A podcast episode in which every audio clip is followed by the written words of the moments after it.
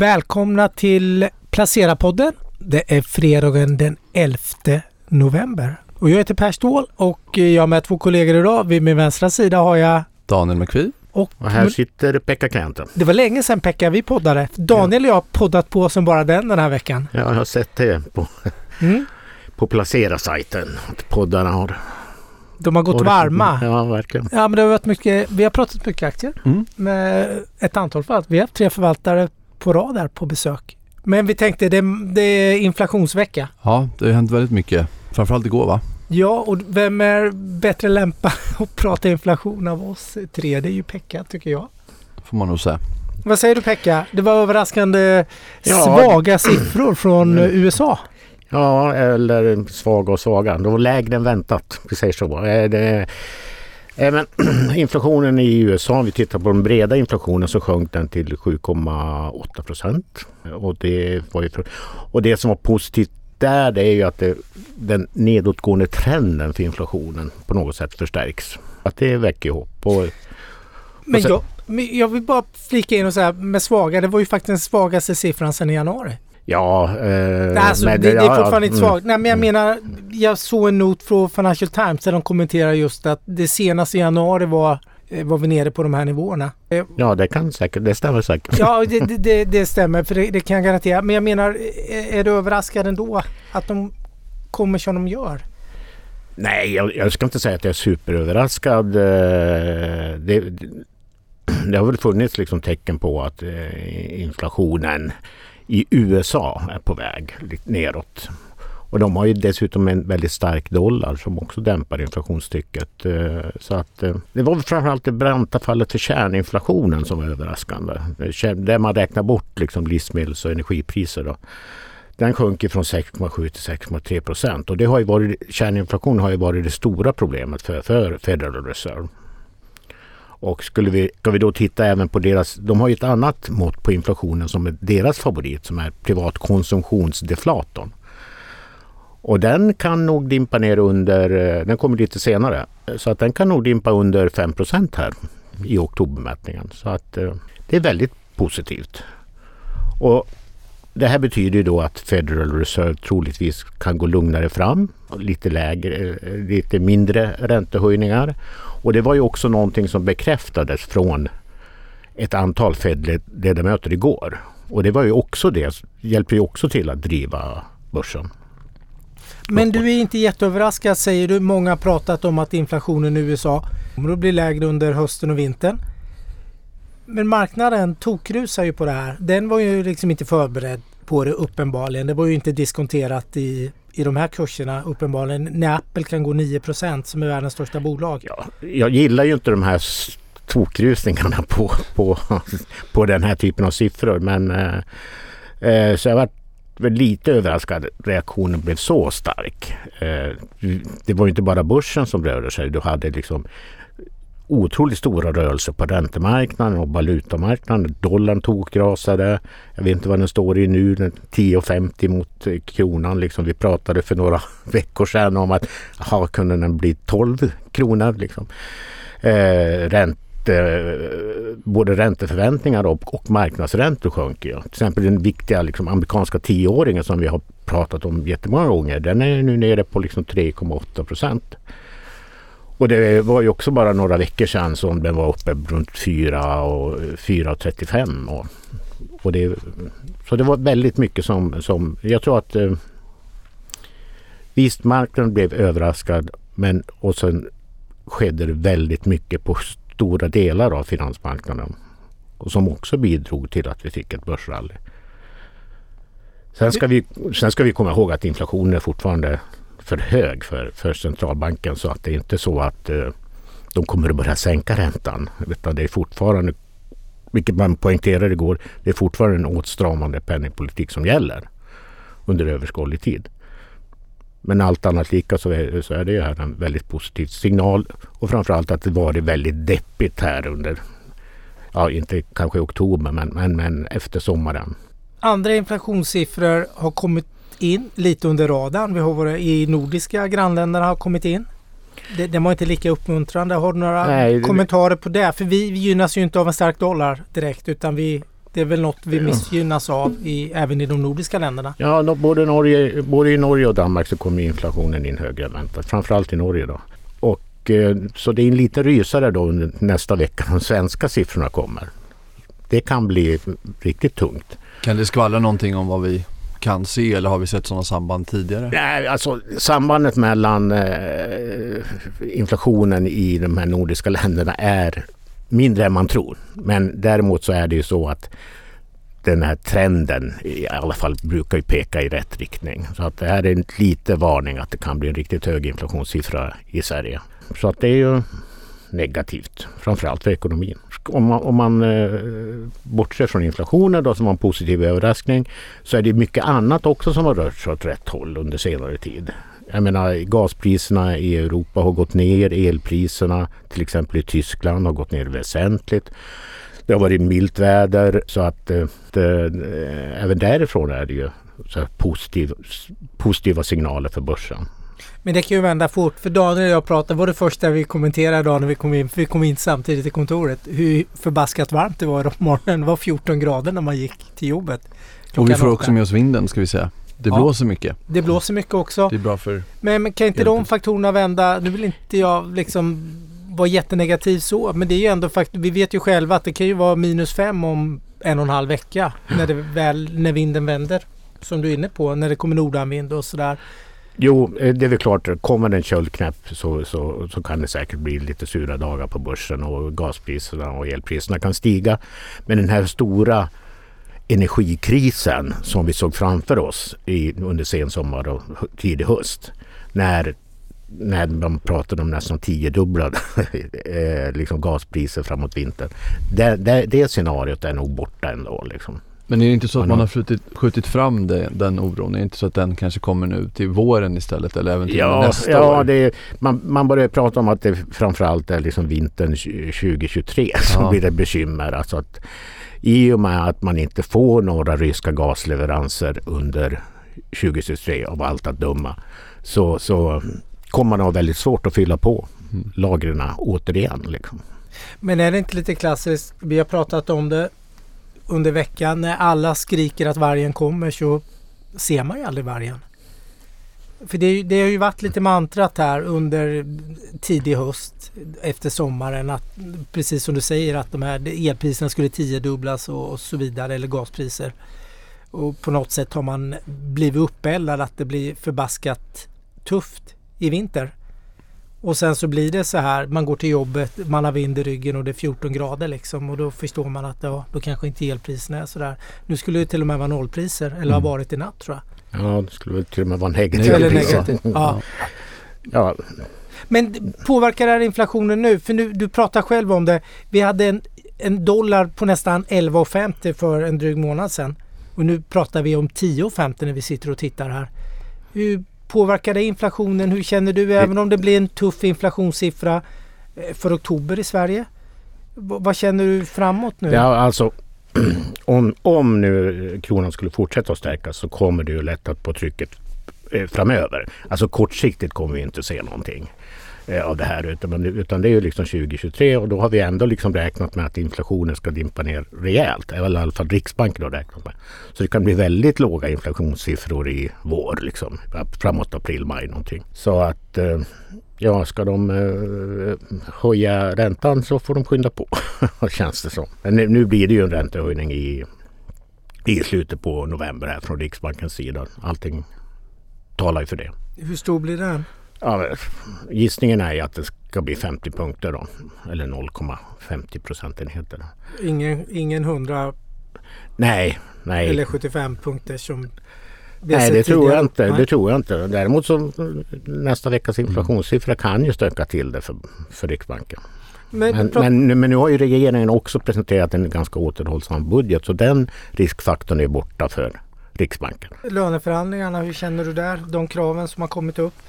Ja, det har inte varit något tokkrav. Det kan man inte säga. Men det kommer ju de är ändå högre än de har varit eh, än vad vi har vant oss vid de senaste åren. Men eh, det kan bli tuffa förhandlingar och jag tror ju att det finns en risk för att delar av arbetsmarknaden kommer att strejka till exempel. Det finns ju krav på 10 löneökningar eller, eller att man ska kompenseras helt, helt för, för inflationen inom vissa branscher.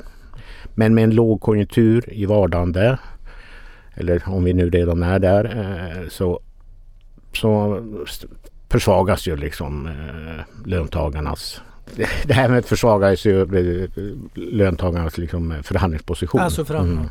Men jag tycker väl inte att de, de signaler som har kommit är, är inte direkt skrämmande. Om vi tänker att arbetsgivarna får ner de mm. kraven lite grann. Liksom. Men vi pratade mycket om inflationen här tidigare. Eh, jag vet att vi pratat lite grann om oron för konjunkturutveck konjunkturutvecklingen. Eh, hur tänker du kring det nu med ja, globala tillväxtprognoserna för 2023 och vinstutveckling hos företagen? Ja, det, det, brasklappen när det gäller liksom den fortsatta börsutvecklingen är ju definitivt hur konjunkturen utvecklas.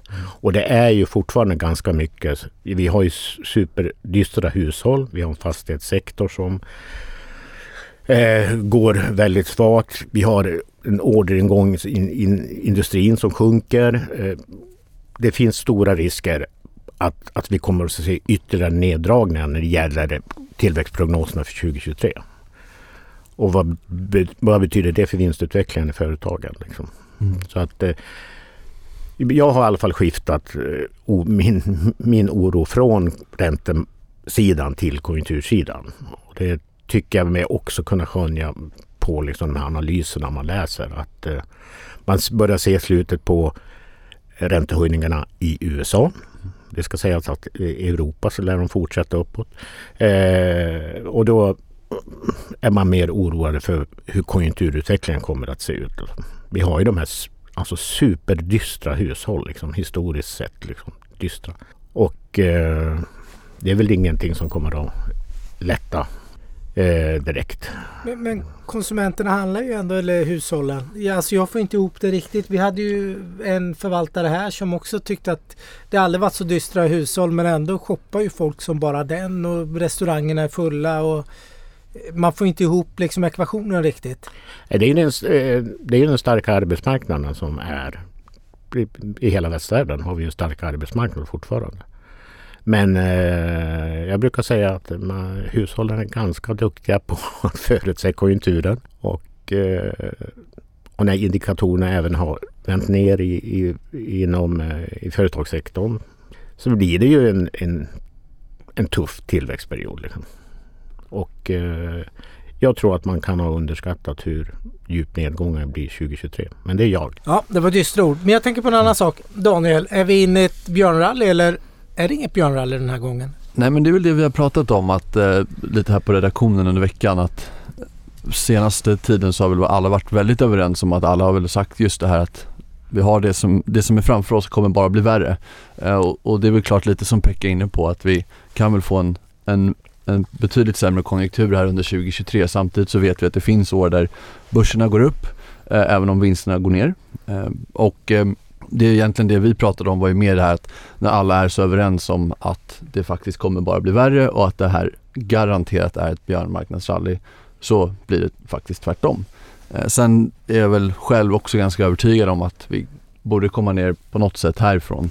Men eh, att vi har sett eh, botten här som vi såg i slutet på september det har vi både de förvaltarna som i och för sig alltid är lite mer positiva kanske men eh, även vi pratat om lite tidigare att eh, så illa förhoppningsvis ska det inte behöva bli igen under den här tiden av kommande period. Men eh, Är du förvånad av styrkan de senaste dagarna när det blir de här lite som Pekka är orolig för när det blir de här enorma, när, när liksom Apple, världens största, när de här världens största bolag rör sig sådana här med enorma magnituder? Alltså, ja, det får man väl säga att jag jag vet ju att vi pratade lite om innan siffrorna kom att eh, vi trodde kanske att, eller jag i alla fall trodde att marknaden skulle lite oavsett siffra hitta någon anledning att komma ner lite grann igen eftersom att vi har haft det här eh, hela november egentligen väldigt stark och, och slutet på oktober en väldigt stark börs eh, och hitta någon anledning för att dämpa den här rusningen lite grann och och kanske ge en liten sådär hint om att det här var ett björnmarknadsrally. Men istället får vi ett extremt uppställ igår som du är inne på. Extrema rörelser i väldigt stora bolag. Och det måste jag ändå säga, det förvånade mig ganska mycket. Men det är många förvaltarna, förvaltarna har jättekassor. Det har vi sett i Bank of America, Merrill Lynch, den här månadsinvesteringsenkäten. Det är, du har rekordkassa. Det är rekordmycket pengar i korta amerikanska statspapper där man liksom har övervintrat nu.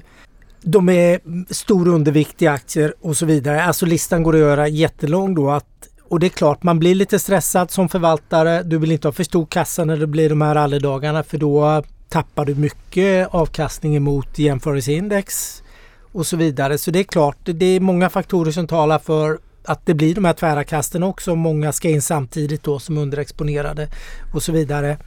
Så jag kanske inte är lika förvånad över de här stora rörelserna. För det är mycket index, det är mycket ETFer nu. Du har med de här stora äh, megabolagen är ju med i så otroligt många olika typer av ETFer. Så det får stor effekt när om du vill skaffa en snabb exponering som man får via ETFer. Jag tycker väl också att det här rallyt som vi sett här i oktober-november. Det skiljer ju sig från det som vi såg i somras. Liksom. Det, där var det ju väldigt mycket liksom, förhoppningar och man visste inte riktigt vad det var som drog. Mm. Eh, och eh, jag tycker att sannolikheten för att vi har sett botten nu är betydligt större den här gången. Även fast jag inte skulle liksom satsa alla mina slantar på att vi inte får se surare dagar. Men eh, jag tycker det ser ganska bra ut inför slutet av året.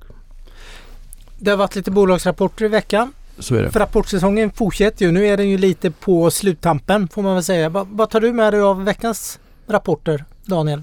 Men jag hade väl framförallt mitt stora, eller ett av mina stora innehav som är Surgical Science då, som rapporterade. Eh, och den eh, togs inte emot bra får man säga. Det var ner 12 procent. Sen kanske den räddades lite här av inflationssiffrorna i USA får man säga och eh, kom upp lite där under senare under dagen. Det som jag tror marknaden, eller min uppfattning i alla fall, är att marknaden eh, är lite skraja för. Eh, det är att eh, kassaflödet var lite sämre. Eller ganska mycket sämre ska man säga. Ehm, Ehm, vad, vad, hur tolkar du det? Vad... Jag får väl egentligen, jag tolkar egentligen precis som vdn säger då i, i rapporten. Jag har ju inte förmåga ska man säga att, att, tolka på något annat sätt men så som han beskriver de har ju ganska, de har haft en ganska stor order eh, i maj från ett amerikanskt sjukhus och i samband med att man levererar de här så får de ju betalt när det levereras och installeras. Och vid sådana här större ordrar då så kan det vara så att det skjuts på eh, ordrarna eller att det skjuts på installationen och eh, det gör att de inte får betalt lika snabbt då, eh, som, de hade, eh, som de har fått tidigare. De har inte haft särskilt stora kund, eller kreditförluster tidigare så att det är ingenting som jag går runt är jätteoroad för. Men det oroar marknaden lite uppenbarligen? Ja, det är väl rimligt. Så att det är klart att en liten oro kring de frågorna är väl det är så det ska vara.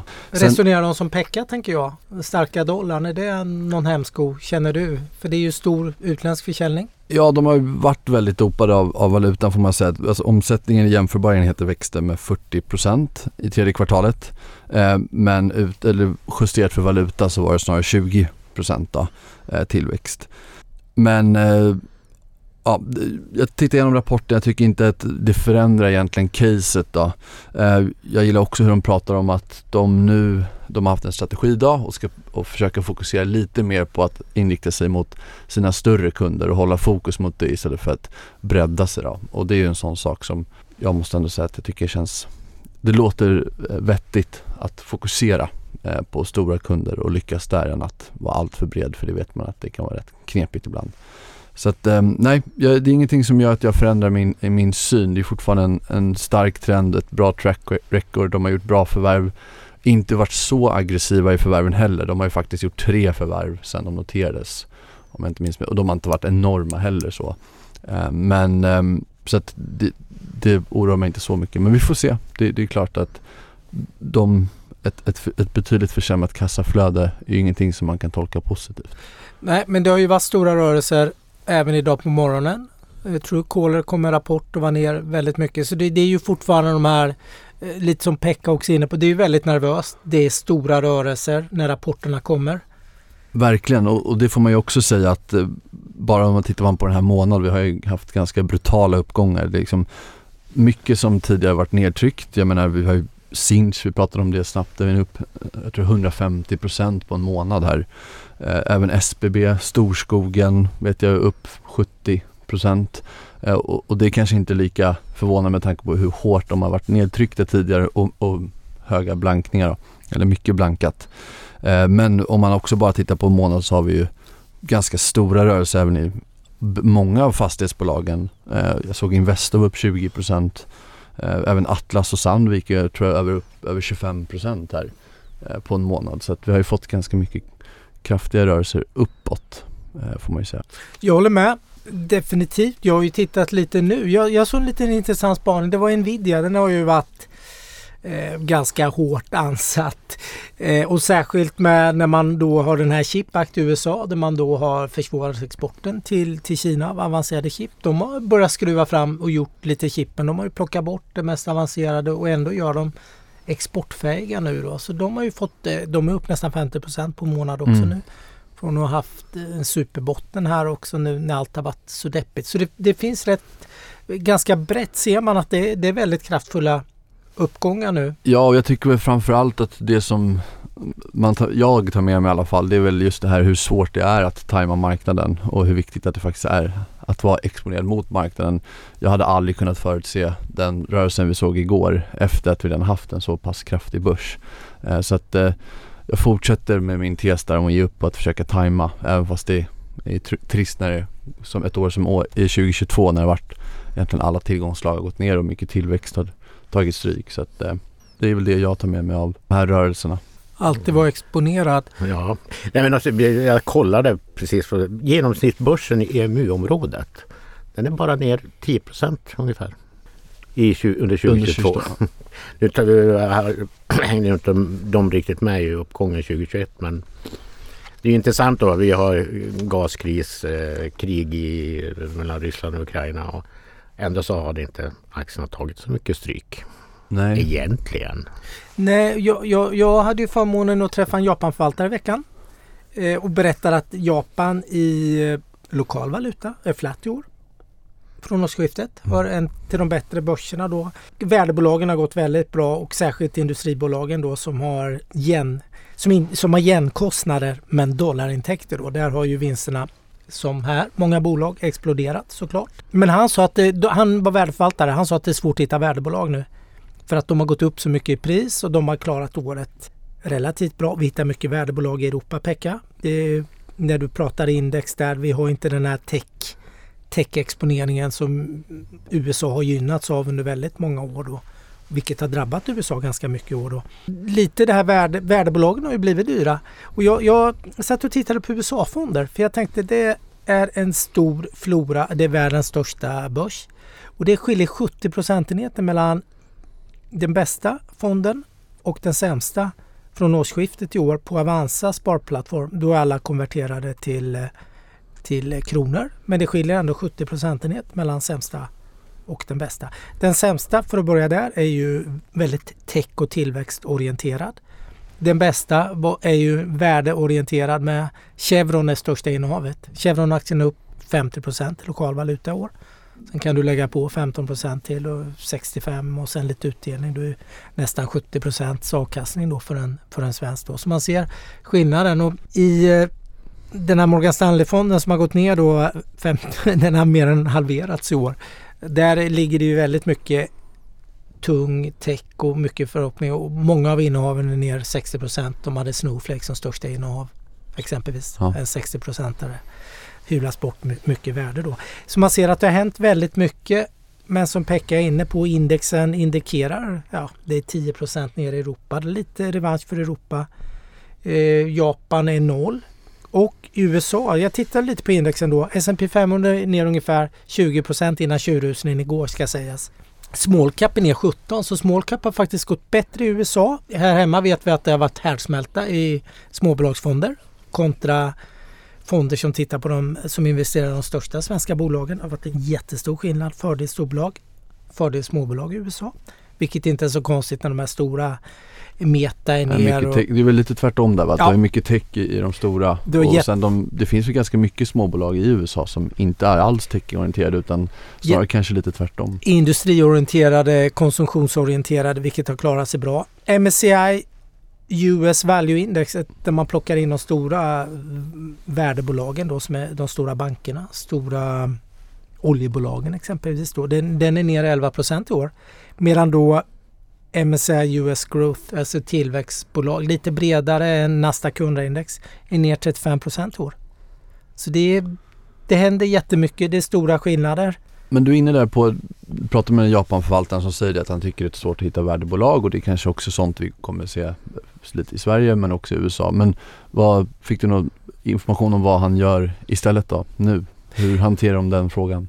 De hanterar den, ja, det finns några, de har gått till mycket konsumtionsbolag nu för de tror att precis som i eh, Sverige så är det likadant i Japan. Man importerar väldigt mycket varor och eh, mycket varor prisas i dollar och de tror att dollarna har pikat eller pikar eller vad vi nu gör så att de kommer gynnas då för att det blir billigare, börjar bli billigare att importera. Det blir ju samma case här hemma då att det blir billigare för H&M och de här som har haft och Clas Ohlson, alla som har haft extrem motvind nu då när man importerar varor utomlands med prissätta dollar då har kostat. Så de gör det spelet och sen kör de bankspelet som många gör. Det är lokalt och eh, räntorna går ändå uppåt. Även i Japan tickar man upp lite då så man tjänar på räntespreaden. Då. Så de, och vi har ju träffat några förvaltare som också kör, som gillade svenska banker exempelvis tidigare Ja. i veckan.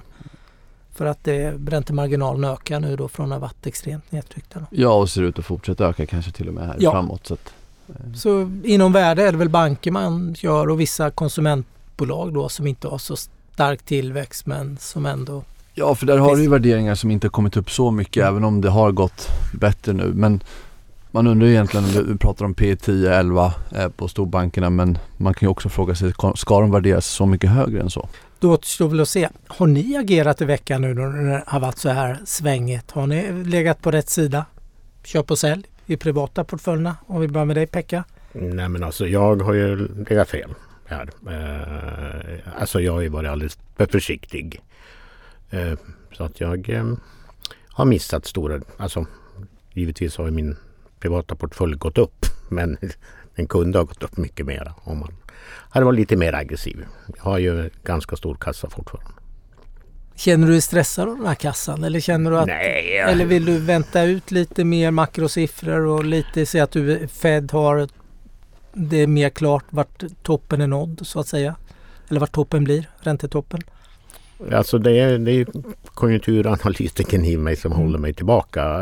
Ska man ta något sådär datum så jag, jag ser fram emot den 13 december när inf- amerikanska inflationssiffrorna för november kommer att publiceras. Dagen innan, Innan Fed- Fed-mötet? Mm. Eh, då kanske vi kan börja prata botten eller, eller en rysare åt andra hållet.